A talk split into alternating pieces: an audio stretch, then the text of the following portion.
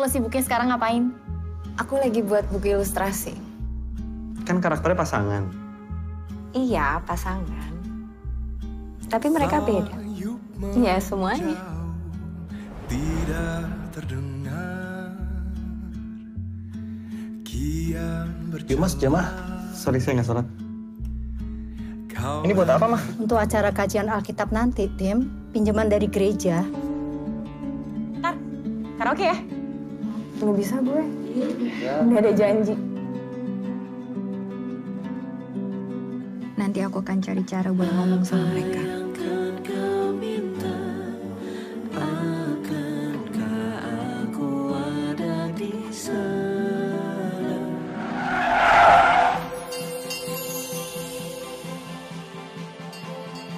Akhirnya bangun juga.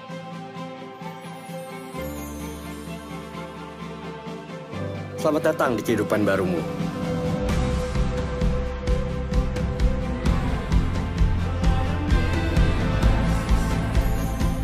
Aku mau sama kamu selamanya. Kamu mau nggak ninggalin semuanya dan menikah di sini sama aku?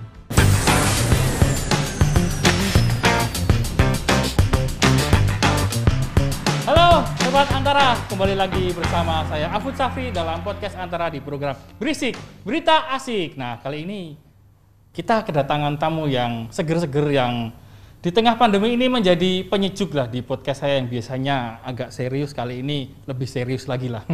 saya kedatangan tamu dari case-nya film Akhirat Love Story. Halo guys. Halo.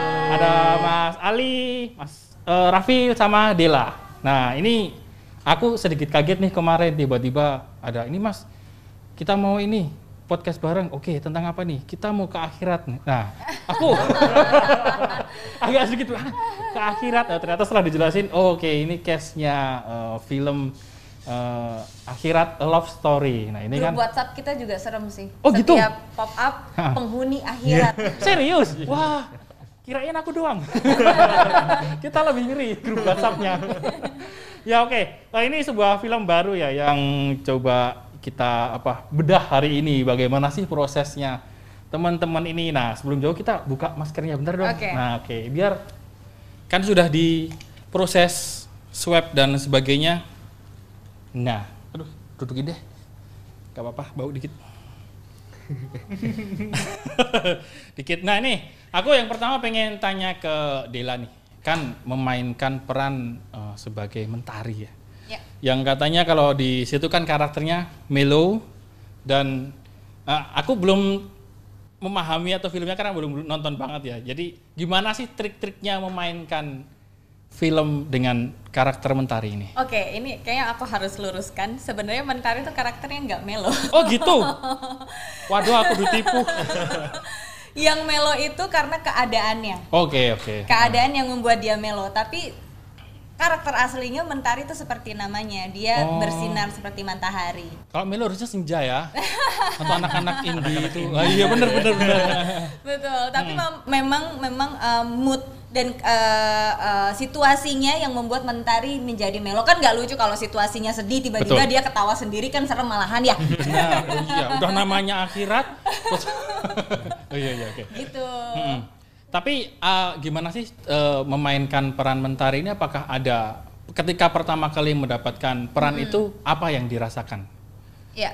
Eh, sebenarnya kalau karakter Mentari ini sendiri hampir mirip dengan karakter aku aslinya sih. Eh, Mentari ini kan dia ilustrator dan dulu aku pernah belajar melukis juga. Terus dia anak tunggal, aku juga anak tunggal. Terus eh, Mentari juga dia bermimpi dia mempunyai buku ilustrasi dan pada waktu aku pendalaman karakter Mentari, aku pun sedang menulis sebuah buku. Jadi untuk backgroundnya kita hampir mirip walaupun uh, untuk sifat kita berbeda gitu Hmm, kan ada oke. beberapa perbedaan yang cukup lekat di antara aku dan Mentari gitu.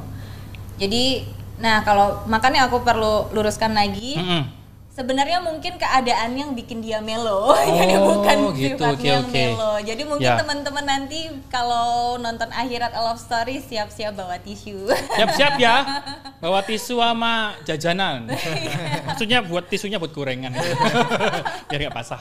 Nah, kalau eh, nanti yang lain sabar ya, akan aku tanya juga. Tapi ini ke Dela dulu. Oke. Eh, ketika memainkan karakter Mentari ini dan dari keseluruhan adegan, ada adegan yang paling seru nggak? Tapi jangan spoiler.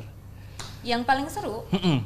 Maksudnya paling berkesan. paling berkesan oke sebenarnya kalau di dalam project film akhirat love story ini setiap adegan itu sangat berkesan sih karena Hmm. kan ini film uh, dengan genre romance fantasy dan mungkin kalau di Indonesia ini paling pertama kan Hmm. jadi uh, dan dan untuk memerankan dan untuk ikut masuk dalam karakter uh, dan cerita di akhirat love story dengan genre yang cukup sulit ini kita lumayan panjang prosesnya. Dari proses reading kita harus berimajinasi dunia akhirat tuh seperti apa ya menyatukan visi dan misi bersama kan kita semua Iya. kan punya kepala berbeda-beda Bener, apalagi semua kan juga belum pernah ke akhirat kan. Jadi Iya, kan itu kan tahu. dia kan jadi kita harus sama-sama menggambarkan akhirat seperti apa. Iya, iya, Oke, iya. begini, gini gitu kan. Ah. Waktu di waktu waktu reading kita sam- sama-sama menyatukan uh, dunia akhirat itu bersama Hmm. dan waktu syuting akhirnya kita uh, bersama-sama masuk ke dunia akhirat gitu. Oke oke oke, cukup berat juga ya. Iya. Aku takut loh. Nanti takut podcastnya jadi masuk kategori rohani. Iya, sebenarnya kalau kalau untuk seru semuanya seru, semua Oke. adegan itu Hmm. seru karena kita sama-sama berimajinasi bareng-bareng mewujudkan lebih tepatnya Bu, mewujudkan imajinasi Hmm. eh, dunia akhirat ini seperti apa. Tapi selama bermain peran, eh, peran seperti Mentari ini apakah cukup menantang bagi Del? Menantang menantang. Justru karena kita saking miripnya, eh, aku justru ini lebih susah menurut aku daripada aku harus memerankan karakter yang berbeda. Kalau karakter yang berbeda kan eh, untuk Dela dan karakter yang berbeda ini kan gampang banget ya membedakannya. Tapi karena Mentari ini sama, jadi aku harus mencari perbedaan dari Dela dan Mentari. Takutnya nanti begitu syuting Delanya ngikut gitu atau kelepasan Delanya. jadi Hmm, Oke. benar-benar harus dijagain banget gitu. Ah, ah. Nah, ini eh, salah satu adegan kan berperan bersama dengan Adipati Dolken. Nah, kan ada adegan yang mesra juga itu. Eh, aku juga mau sih. Nggak sama Adipatinya maksudnya. Nggak maksudnya, eh, gimana rasanya ketika ada adegan-adegan seperti itu? Apakah ada canggung atau memang ya udahlah kita profesional dan sebagainya. Ya kan balik lagi kita kan bekerja sebagai seorang aktor. Asik. Jadi- ini nggak ada terak dumjas ya.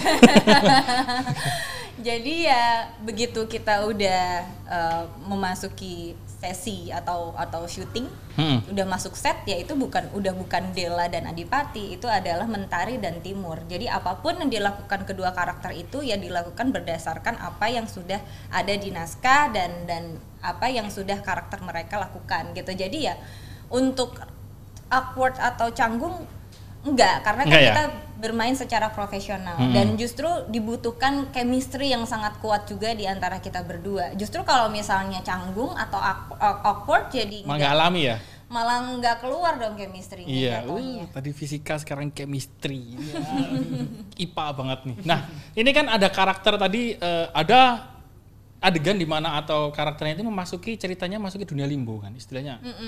Itu hal yang ya imajinasi dan fantasi itu.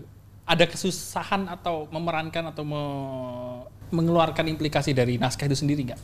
Hmm, nah itu dia eh, di sini kita beruntungnya punya sutradara eh, yaitu Jason itu dia sangat-sangat membuka diri untuk kita berdiskusi bareng-bareng.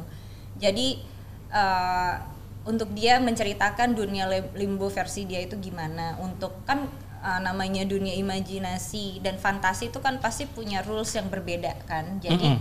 dari awal kita udah dikasih tahu dunia akhirat versi dia itu adalah seperti ini ini ini ini ini ya udah kita ya sebagai aktor kita tinggal masuk aja ke situ sesuai apa yang dia harapkan gitu Hmm, oke berarti oh, sutradara cukup berperan ketika Sangat, mem- pasti. mengarahkan mem- memberi dunia limbo itu seperti ini yang saya inginkan seperti ini tuh Betul. Dela harus mengaplikasikan dan teman-teman juga seperti itu. ya. Oke, sekarang kita ke Rafil. Ya, Bermain sebagai Herman. Herman. Gimana? memerankan Herman. Menurut Afil Herman itu sosok seperti apa di karakter ini dan apakah sesuai dengan karakter sehari-hari? Hmm. Herman, hmm, menurut gue dia eh, sangat bijaksana dan yang harus digarisbawahi dia tuh eh, loyal. Loyal. Ya. Hmm, gitu aja sih. Singkat banget. Tapi Karena dia menurut gue terlalu berkarakteristik. Akhirnya kan, eh, oh, spoiler nih. Eh, eh dikit lah. Eh, ya dia sangat berkarakteristik, eh, loyal dan dan tapi wajahnya awet muda gitu. Ah, kelihatan sewet muda. Kan kalau dari akhiratnya kan cerah-cerah nih jadi kan akhiratnya nanti kelihatan kalau aku gelap. Masa akhiratku gelap nanti? Jangan ya. Eh, tapi ketika Rafael memerankan Herman ini ada kesulitan nggak sih? Apakah memang latar belakangnya Rafael sendiri di kehidupan nyata juga loyal atau? Eh, sebenarnya gini, eh, si Herman ini eh, kesulitannya sih karena kemiripan kemiripan kita tuh dia berjiwa apa ya kalau bisa dibilang eh, dibilang lebih soulful kan. Ya. oke Mungkin gue akan eh, mirip ke sananya dan dan lebih karena kan gue ada berpasangan sama senior Mm-mm. aktor Mbak Foni jadi eh, lebih tapi untungnya Mbak Foni juga ngasih luas sih luas masih Eh, bimbingan dan arahan gitu iya ya? iya iya tidak tidak ada gap dari antara Mm-mm. kita dan hmm, takutnya itu eh guanya jadi terlalu respect sama Mbak Mbak Foni Oh, jadinya segan gitu lah ya? Oh, oke, Iya, oke. iya, iya, iya, iya.